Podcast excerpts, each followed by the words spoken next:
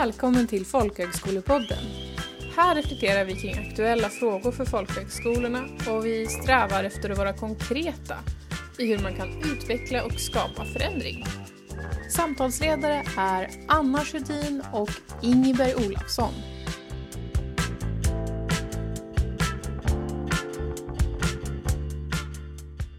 Hej och varmt välkomna till Folkhögskolepodden. Eh, och idag ska vi träffa Mikael Åkerman som är en av Sveriges främsta överlevnadsexperter och lärare vid Storumans folkhögskola. Varmt välkommen hit. Tack. Vad roligt att ha dig här. Du eh, har ju eh, levt ett lite eh, speciellt liv och valt att under perioder avvika en del från samhället i övrigt. Kan du berätta? Ja, eh, ja men det som är, det är ju en tid tillbaka nu när jag levde en, en, en del utanför vårt eh, samhälle och, och, levde väldigt, väldigt mycket med, ja men i större närhet till den omgivande naturen och jag levde lite grann i skogen och sådär och, och eh, fann det väldigt, väldigt intressant. Eh, inte alltid ska jag nog säga, men eh, ganska ofta så så fick jag väldigt, väldigt mycket insikter och lärdomar om att, att leva i ett, i ett större samspel. Och framförallt just de här eh, kopplat till de här basala behoven som, som vi alla har och som blir mycket mera påtagliga i, i en sån där situation att leva utanför samhället. Och också i någon mening eh, lite mera i nuet. Eftersom Många av de här basala behoven blir så omedelbara. Man känner av det på ett helt annat sätt. Om jag inte exempelvis skaffar ved eller mat eller vatten eller skydd så kommer det att påverka mig. Ja, det blir väldigt tydligt. Det blir väldigt tydligt. Och jag tänker att så har det varit för oss under årtusenden. Att vi, när vi har levt i ett större samspel, att vi har behövt reflektera mer över de där, ja men just basala behoven. Och ju mera vi har blivit mästare i det här med att leva och överleva i samspel med naturen och det är väl det som våra, våra förfäder och förmödrar har, har liksom bidragit till att vi har blivit mästare i, i det här med att leva och överleva. Men om vi ska vara lite konkreta så det du gjorde var att leva ute i skogen under flera år, stämmer det? Ja, ja men så är det nog. Alltså jag har ju levt i ett ganska stort, ja, stort samspel. Jag levde dock inte som har varit beskrivet av sju år utan någon mänsklig kontakt. Eh, jag hade visst kontakt med, med, med, med civilisationen till och från, men eh, ganska så mycket har jag tillbringat ute i skogsmiljö. Hur mycket mänsklig kontakt skulle du säga att du hade under de här sju åren då? Kanske, alltså någon gång i månaden tänker jag. Ja, det, det, minne mitt är ju ungefär svagt som vårisen ungefär. Eh, I vissa fall. Men till och från så, det var, ibland så var det lite mera och ibland lite mindre. Men eh, under sommartid och så, då, då trivdes jag ju bra. Och då var det ju så mycket mera marginaler för en. Samtidigt vintertid så var jag ganska mycket stilla och gjorde inte så mycket. Men hur, hur fick du för dig att, att eh, dra, dra till skogs i sju år? Ja, det är en väldigt bra, det var absolut inte menat så att det skulle ta så lång tid utan jag tänkte bara att prova en liten stund.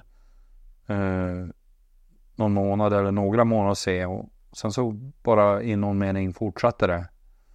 Och jag trivdes bra. I, inte alltid dock. Det, det fanns absolut stunder. Jag minns speciellt en gång när jag pratade med en kompis borta i Filippinerna och han satt vid stranden där och, och gassade och jag Ja det var väl minus 20 och, och hunden hade tuggat i sig någon någon bok, Gryning över Kalahari eller något sånt. Då känner jag mig utvald i en bemärkelse men inte i alla. Det var sådär.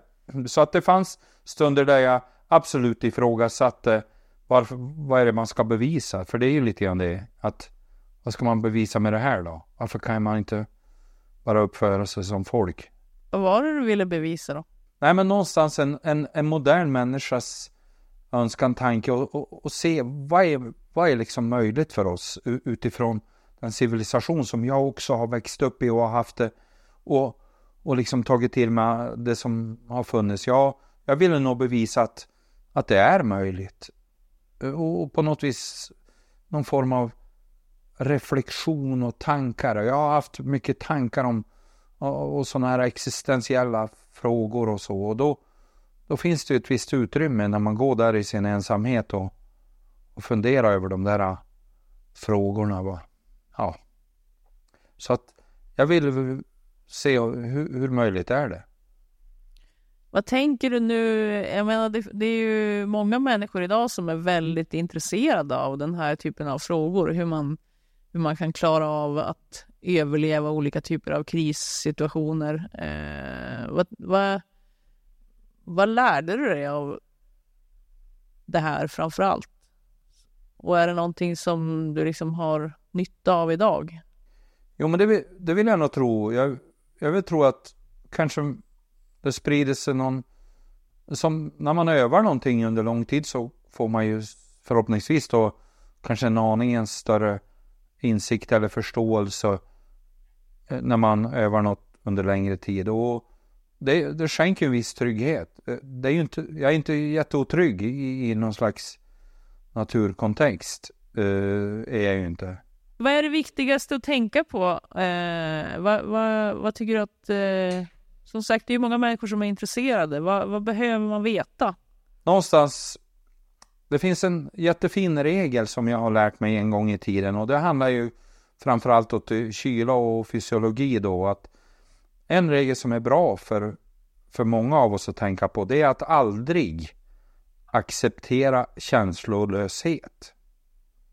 Och då tänker jag mest på den känslolöshet som kan drabba oss när vi blir väldigt nedkylda. Det, framförallt är det ju armar och ben eller extremiteter som och just att, att förlora känslan i dem är inget bra. Eh, det går också att applicera den här att acceptera aldrig känslolöshet i någon form av mental eller ja, mental eller psykologisk aspekt. Att man, man, om någon sitter helt apatisk så kanske man kan fråga hur, hur mår du? Exempelvis. Så att någonstans så skulle jag tycka att, eller så tycker jag att acceptera käns aldrig känslolöshet är en bra regel. Det, det, det är bra. Sedan att agera då och också förstå behovet eller inställning och vilja och attityd. Också oerhört viktiga egenskaper. Och med all respekt för kunskap och, och erfarenhet så det som jag har sett också hos andra och också hos mig själv så är ju det min inställning som är så avgörande. Och attityd till det som sker en. Om det är en extraordinär händelse eller överlevnadssituation så är ju min tanke runt, runt begreppet överlevnad att då är det ju någonting som har gått på tok när jag har försatt mig eller hamnat. Och det, det är också två viktiga ingångar i det där. Har jag hamnat och jag ser mig som att jag har bara hamnat, jag har ingen skuld i det här. Att jag står där naken på fjället, det, det bara skedde. Någonstans så är det ju någonting som ofta föranleder den här händelsen av kris och nöd. Och, och det som är mitt mål med en överlevnadssituation det är att ett, försöka undvika den till att börja med. Och, och i vad mån man då försätter sig eller hamnar i den där överlevnadssituationen så skyndsamt man kan försöka ta sig ur eller ifrån och ta sig till vad som kan beskrivas som en levnadssituation. Men om man bor i en lägenhet i en större stad då? Eh, då, då, är det ju väldigt enkelt att tänka sig att eh, ingenting kommer hända. Om någonting händer så kommer ju någon annan hjälpa mig. Eh, och då kanske det är lite svårt att tänka sig att man ska förbereda sig. Men varför ska jag som liksom bor i lägenhet, bor i en större stad, tänka att ja, men det här med att förbereda mig så att om någon kris dyker upp att jag är förberedd. Varför är det viktigt? Ja, en del brukar säga det, att det är bättre att vara förberedd än efterklok. Eh, och någonting ligger eh, säkert i det. Och jag menar att att vara förberedd och beredd, det är ju, det finns ett, ett, ett stort värde i det, tänker jag, att, att inför alla möjliga tänkbara situationer. Det, det går naturligtvis inte att ha en handlingsplan för allt man företar sig. Men om du bor i en stad så, så är, är ju det att vi har ju byggt in oss i en trygghet och att vi egentligen bara i, i många städer ser bara slutprodukter av allt som, som du möter på.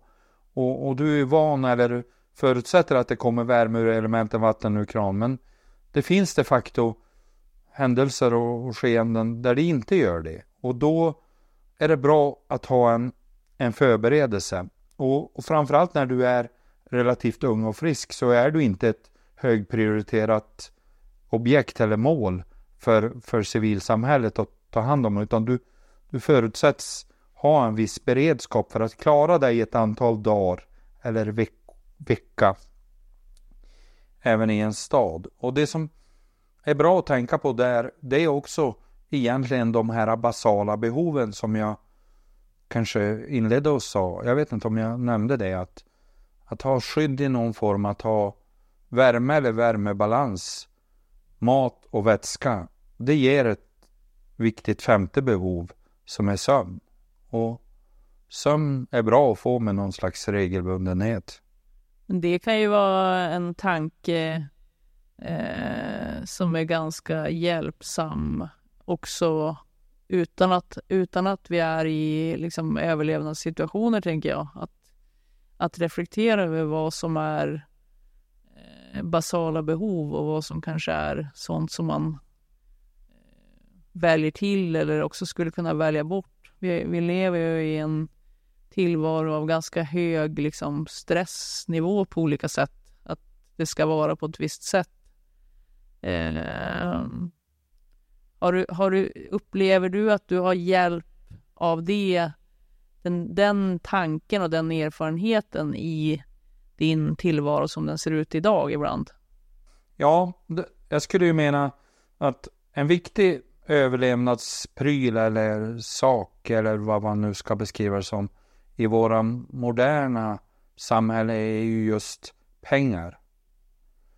Pengar är ju den, för många av oss en överlevnadsask eller levnadsask i våran, våran samtid. Och det är just det där som jag kan känna en förnöjsamhet över att, att inte ha samma behov. Jag just till det här med pengar, att pengar är nödvändigt för många av oss och inkluderat också mig.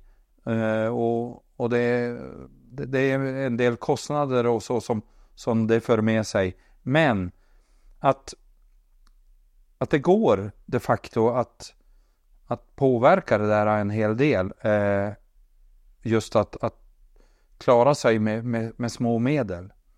Mm, och det fick jag ju erfara när jag då valde att bo lite grann utanför att det var inte pengar det och inte det viktigaste incitamentet för mig då. Men jag tror att att hitta någon slags balans. Jag tänker att det är kanske lite tjatigt, uttjatat och, och, och så klyschigt att säga balans. Men faktum är att väldigt mycket handlar om det också i våran moderna situation. Att hitta balans när det gäller surfande eller när det gäller motion eller när det gäller en massa saker. Annars så kommer det att, att slöa ner och så och vi, vi kan försätta oss i en överlevnadssituation trots att vi har de här basala behoven väldigt nära oss och tillgodosedda så länge vi kan betala.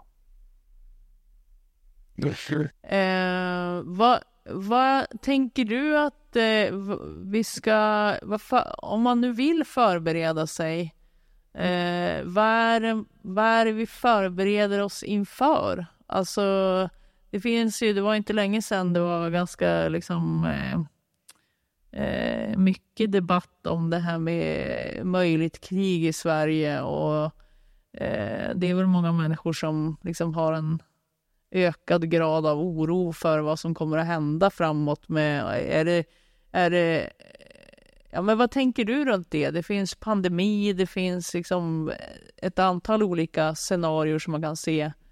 Eh, vad är det vi ska... Va, vad ser du framför dig? Ska vi vara rädda? Rädsla är som... Det, det, det, finns ju, och det är ju väldigt naturligt. Är vi helt orädda och inte har någon rädsla så kan ju det också spela en oss ett spratt att, att inte vara rädd för någonting. Eh, det gör ju att en del sinnen kan skärpas. Det är ju det att om rädslan blir av den karaktären att den är helt irrationell och det förlamar oss, då, då är ju rädslan, kan ju den vara väldigt, väldigt negativ. Men rädsla som fenomen är ju, är ju någonting evolutionärt som gör att vi ska skärpa våra sinnen eh, och bli kreativa kanske och rationella och så och, lö och lösningsorienterade och då, då kan ju den där rädslan hjälpa oss en del. Men rädsla förknippas ju ofta med att, att det är någon kanske handlingsförlamning. Eh, det, jag, jag ser det som att extraordinära händelser har varit eh, en del av våran evolution. Eh, när vi har mött björnen eller när vi har eh, mött eh, lejonen på savannen. Jag tror att vi har, eh, men och, och, och, med stigande erfarenhet och kunskap så har vi ju kunnat värja oss och klara av väldigt mycket. Och det är väl det också som extraordinära händelser gör med oss. En del av oss klarar sig inte på grund av vad, vad det nu beror på. Men genom att vara bättre förberedd inför extraordinära händelser så är det ingen säg garant för att, eller ja, garant för att du klarar dig. Men jag skulle säga att det avsevärt ökar dina möjligheter eller chanser att klara dig genom att träna, öva och förbereda dig för det där extraordinära eller Ja, men du, du, pratar ju mycket om just att vara förberedd, så man inte hamnar i situationer där det är, där det är krispanik, så att säga. Eh, men låt säga att jag ändå hamnar i den situationen, att jag inte lyssnar på dina goda råd och förbereder mig. Eh, vad ska jag göra då? Ja men alltså de här scenarierna Anna pratar om, om det blir krig eller om eh, strömmen går under en längre tid eller ett reellt hot vi har nu som det pratas om i cyberattacker. Att vi är så himla beroende av liksom alla eh, digitala system. Och om jag då hamnar i en situation och jag är oförberedd och inser att oj, hjälpen kommer ju inte just nu. Alltså det, det är så mycket annat som prioriteras före hur ska jag göra för att få tag på mat och vatten? Alltså de här allra enklaste och mest basala behoven. Om jag inte har det. Just det. Ja, där. Det beror lite grann på var du har valt att slå ner dina bopålar. I en stad så kan det ju vara väldigt tuffa utmaningar om, om butiker slår igen och så. Då, då, då, då har du inte då förberett dig med konserver och vatten och så. Då, kommer det ju gå ganska fort till du behöver ge dig utanför den där äh, bostaden för att skaffa de här äh, mat och, och så. Och det där, där är ju uppfinnings... Och, och, jag menar att ja, men samhället har en viss beredskap men ändå så visade ju exempelvis pandemin att det inte var fullt ut utan vi, vi har ju monterat ner en del av det här med, med beredskap för, för en större massa. Eh, men vi har också blivit påmind om det där och, och också så sker ju saker nu. Sen om det är i tid eller så, det vet inte jag, men jag, jag, känner ju att vad du kan göra på ditt personliga plan, det är ju att, att försöka skaffa dig de här så kallade basala behoven. Eh, så att du har en viss förberedelsetid och tar de slut, ja, då är ju, då är ju kanske alternativet att eh, försöka gå samman, fixa communities, alltså och är det cyberattack, ja då, då får vi kliva tillbaks ytterligare.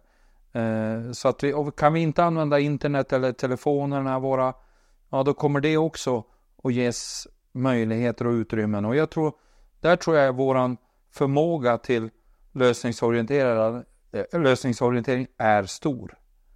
Det kommer säkert att i vissa fall bli någon form av eh, utmaningar för samhället i stort. Alltså hur, hur solidariska är vi och hur, hur egoistiska är vi i de här sammanhangen. Och det är ju det är oftast kopplat till marginaler eh, och, och, och, den stressfrihet vi känner. Har vi hög stressfrihet och hög prestationskvalitet, ja då har vi ju då har vi ju stort utrymme och då kan vi ju hjälpas åt och kanske finna bra lösningar.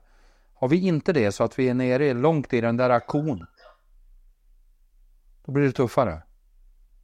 Ja, och det är väl viktigt också att lägga till där att, eh, att eh, Myndigheten för samhällsskydd och beredskap, som är en statlig myndighet, de är ju väldigt noga med att tala om att vi faktiskt har ett personligt ansvar för att vara förberedda.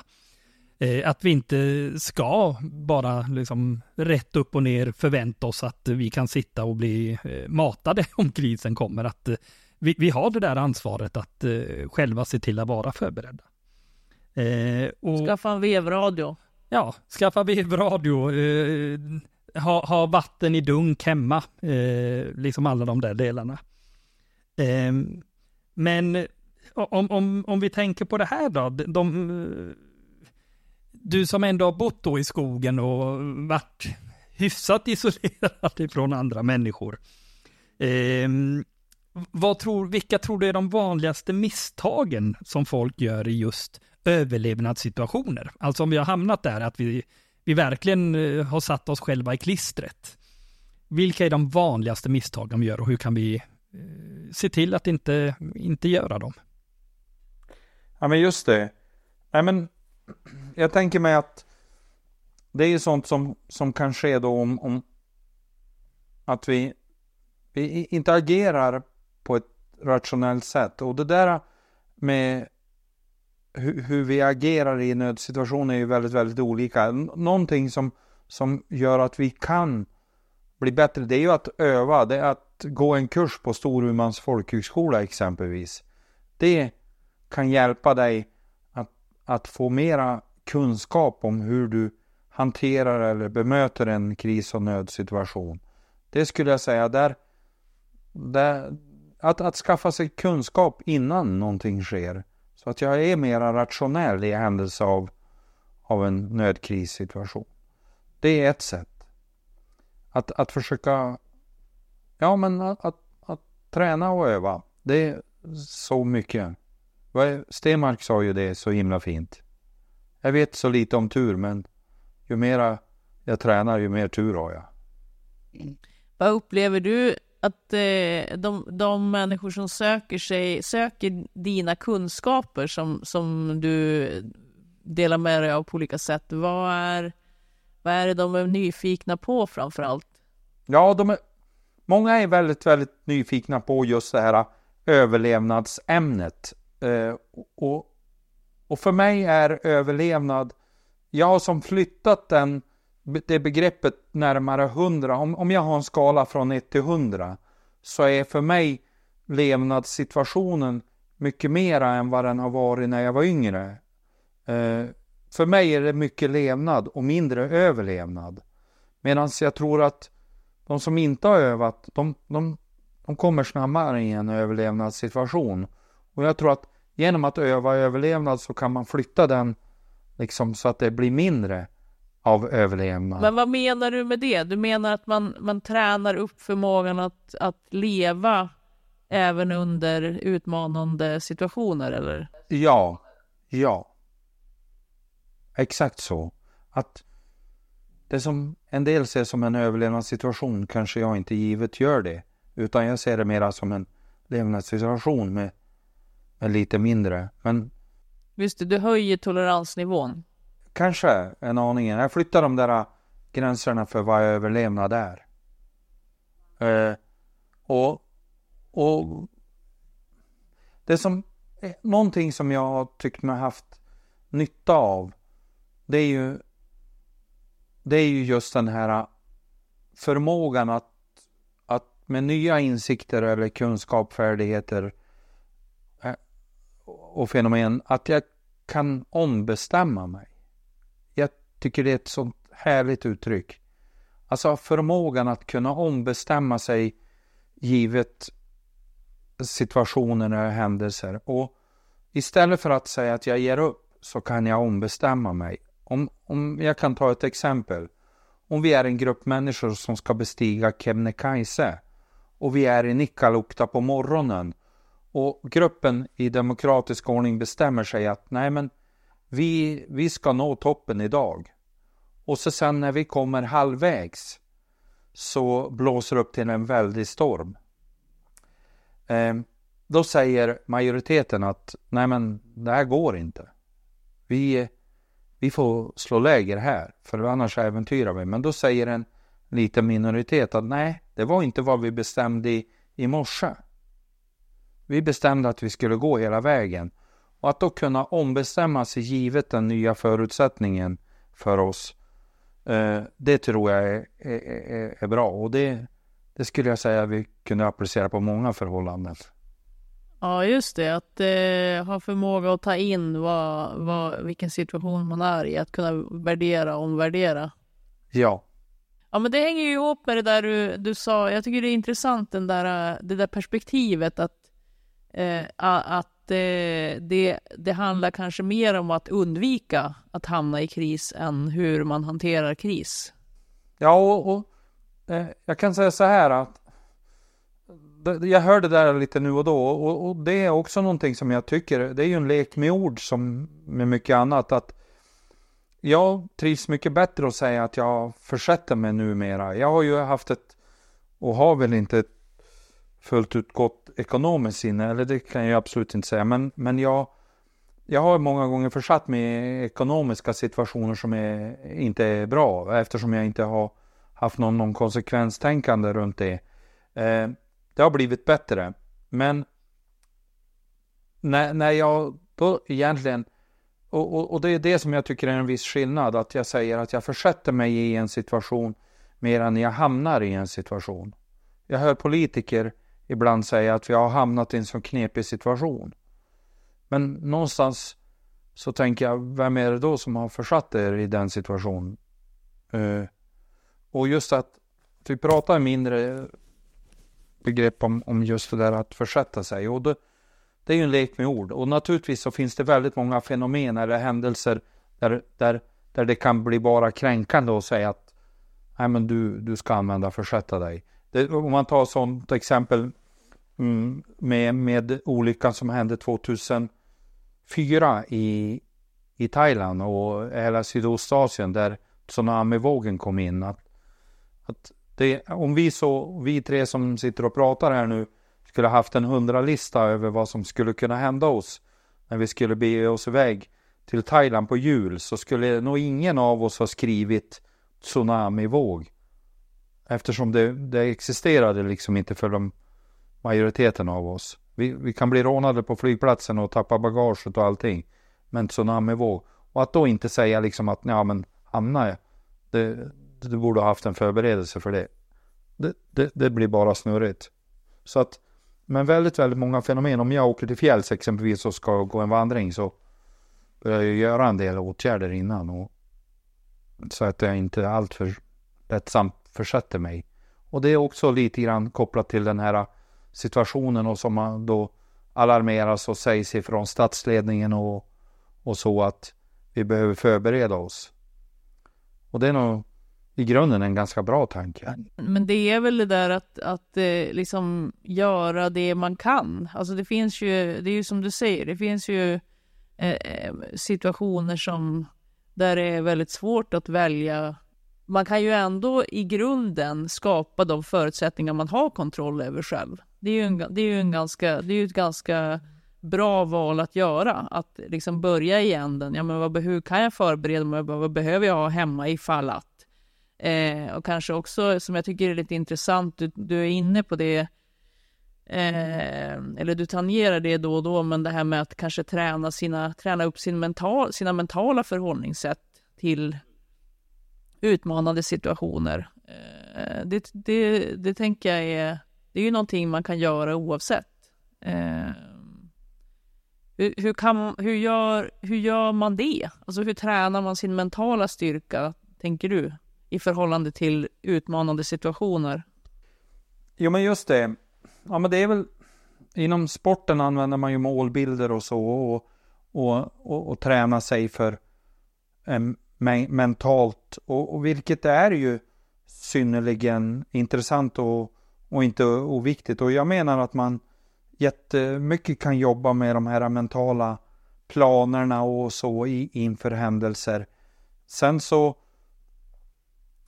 alltså en, en engelsk doktor som jag lyssnade till för länge sedan, han sa eh, kopplat till, till våra, våra mentala utmaningar idag och grubblerier. Han sa att flytta rumpan framåt så kommer huvudet att följa med. Eh, istället för att flytta huvudet framåt och rumpan följer med. Någonstans balans däremellan tänker jag är klokt. Eh, att hitta någon form av bra balans genom att göra och så. Att, ja, men lite grann också som en annan klok person sa. Gör vad du kan med vad du har där du är. Eh,